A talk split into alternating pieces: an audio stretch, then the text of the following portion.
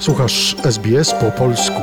Więcej ciekawych historii znajdziesz na stronie sbs.com.au ukośnik polisz. Kłaniam się z Warszawy. Znów zaczynamy od pogody i gwałtownych burz, które w piątek przeszły nad niemal całą Polską i mocno dały nam się wyznaki. Towarzyszący burzom potężny wiatr wiał z prędkością ponad 100 km na godzinę i przechodził przez północne i centralne regiony kraju.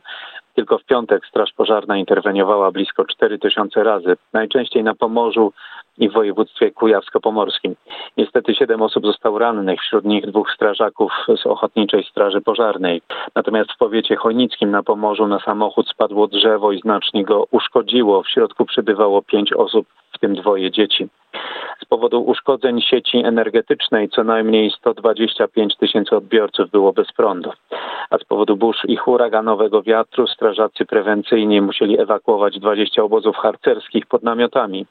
Przerwany został także największy w Polsce festiwal muzyczny Open Air w Gdyni. 30 tysięcy osób zostało ewakuowanych z terenu lotniska Kosakowo, gdzie stoi scena festiwalowa i na szczęście nikomu nic się nie stało. Polacy nie muszą się martwić o paraliż na polskim niebie. Kontrolerzy ruchu lotniczego i Państwowa Agencja, która zarządza żeglugą powietrzną, doszli do ostatecznego porozumienia.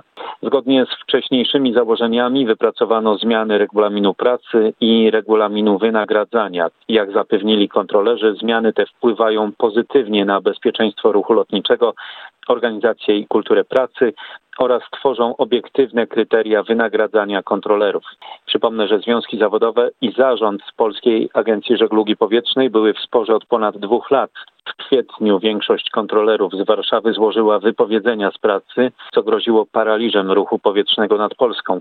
Na szczęście obie strony zdołały się porozumieć, a kontrolerzy wrócili do normalnej pracy. Tymczasem sieć metra w Warszawie powiększyła się o dwie kolejne stacje na linii M2.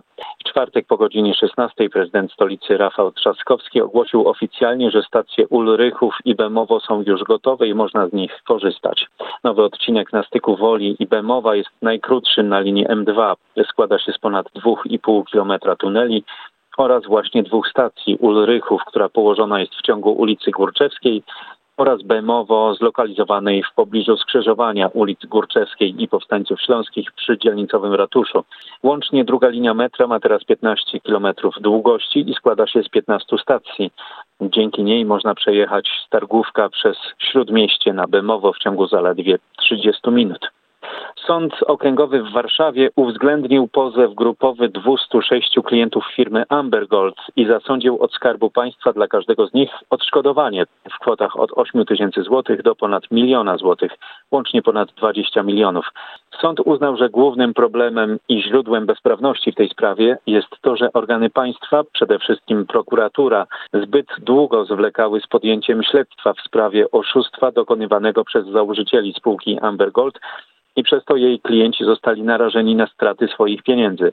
Przypomnę, że firma Ambergold od 2009 roku zachęcała Polaków do inwestowania w złoto i inne kruszce i reklamowała się, że dzięki tym inwestycjom klienci mogą zarabiać znacznie lepiej niż na lokatach bankowych.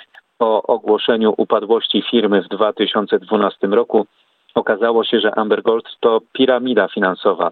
Ponad 18 tysięcy osób straciło wtedy około 850 milionów złotych. Założyciel i prezes spółki Marcin P. w 2018 roku został skazany na 15 lat więzienia, a jego żona Katarzyna P. usłyszała wyrok 12,5 roku.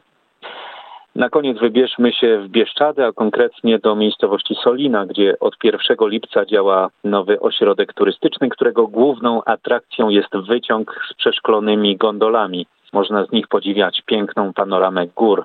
Zadbaliśmy o każdy detal, by nasi klienci czuli się nad Soliną komfortowo. Konstrukcja gondoli umożliwi widok 360 stopni. Dzięki temu każdy podróżujący będzie mógł oglądać spektakularne widoki panoramy Bieszczad i jeziora Solińskiego, zachwala Daniel Pietrus, prezes polskich kolei linowych. Oprócz kolei gondolowej w nowym ośrodku powstała także wieża widokowa oraz park tematyczny. Dzięki temu zarówno przyjezdni turyści, jak i sami mieszkańcy mogą odkryć ten region Polski zupełnie na nowo.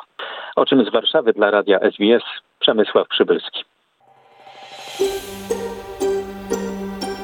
Zainteresowało Cię? Chcesz usłyszeć więcej? Słuchaj nas na podcastach dostępnych w Apple Podcast, Google Podcast czy Spotify lub w jakimkolwiek innym, który używasz.